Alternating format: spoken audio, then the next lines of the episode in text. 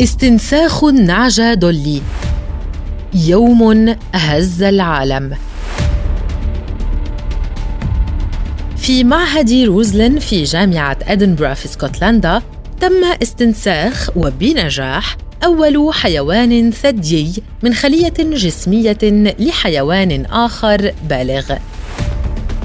هذا ما عرف بالنعجة دولي. منحت دولي عند ولادتها رمزا مختبريا وهو LL36 غير أنه لم يتم الكشف عن مولدها إلا بعد عام. عاشت دولي حوالي سبع سنوات أنجبت خلالها ستة حملان ولكن ظهرت عليها أعراض الشيخوخة المبكرة وأصيبت بمرض التهاب المفاصل. فتوفيت دولي في الرابع عشر من فبراير من العام 2003 بعد أن وضع الخبراء حداً لحياتها عن طريقة القتل الرحيم كي لا تعاني أكثر.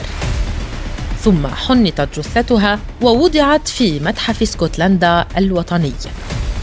كان ذلك في الخامس من يوليو 1996